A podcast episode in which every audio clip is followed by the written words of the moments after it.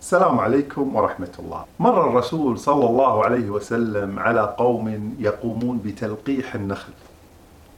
فقال الرسول صلى الله عليه وسلم: لو لم تفعلوا لصلح، أي أن التمر كان صلح حاله بدون أن تقوموا بالتلقيح. لكن التمر قد خرج تمرا رديا. فقال ما ما الأمر؟ فقالوا هو الأمر كذا وكذا.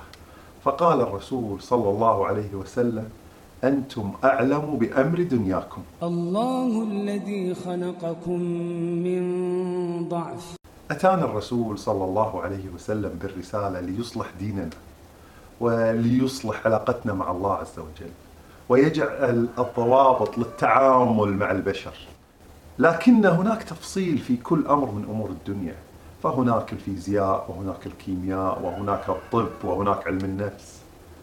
البعض يعتقد أن الدين يستطيع أن يصلح كل الأمور التي في حياته.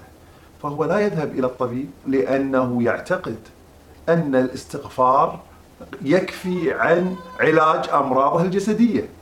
والبعض يصيبه المرض النفسي فيدخل في الشك والقلق أو الاكتئاب لكنه لا يذهب للطبيب ويعتقد أن عدم ذهابه إلى الطبيب هو أمر أمره الرسول صلى الله عليه وسلم والصحيح أننا يجب أن نذهب إلى المختصين لأن هؤلاء المختصين هم أعلم منا بأمر دنيانا. الله الذي خلقكم من ضعف.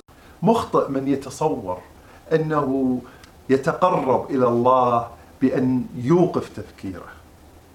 الله عز وجل يقول: الذين يذكرون الله قياما وقعودا وعلى جنوبهم ويتفكرون في خلق السماوات والأرض. ربنا ما خلقت هذا باطلا. سبحانك فقنا عذاب النار.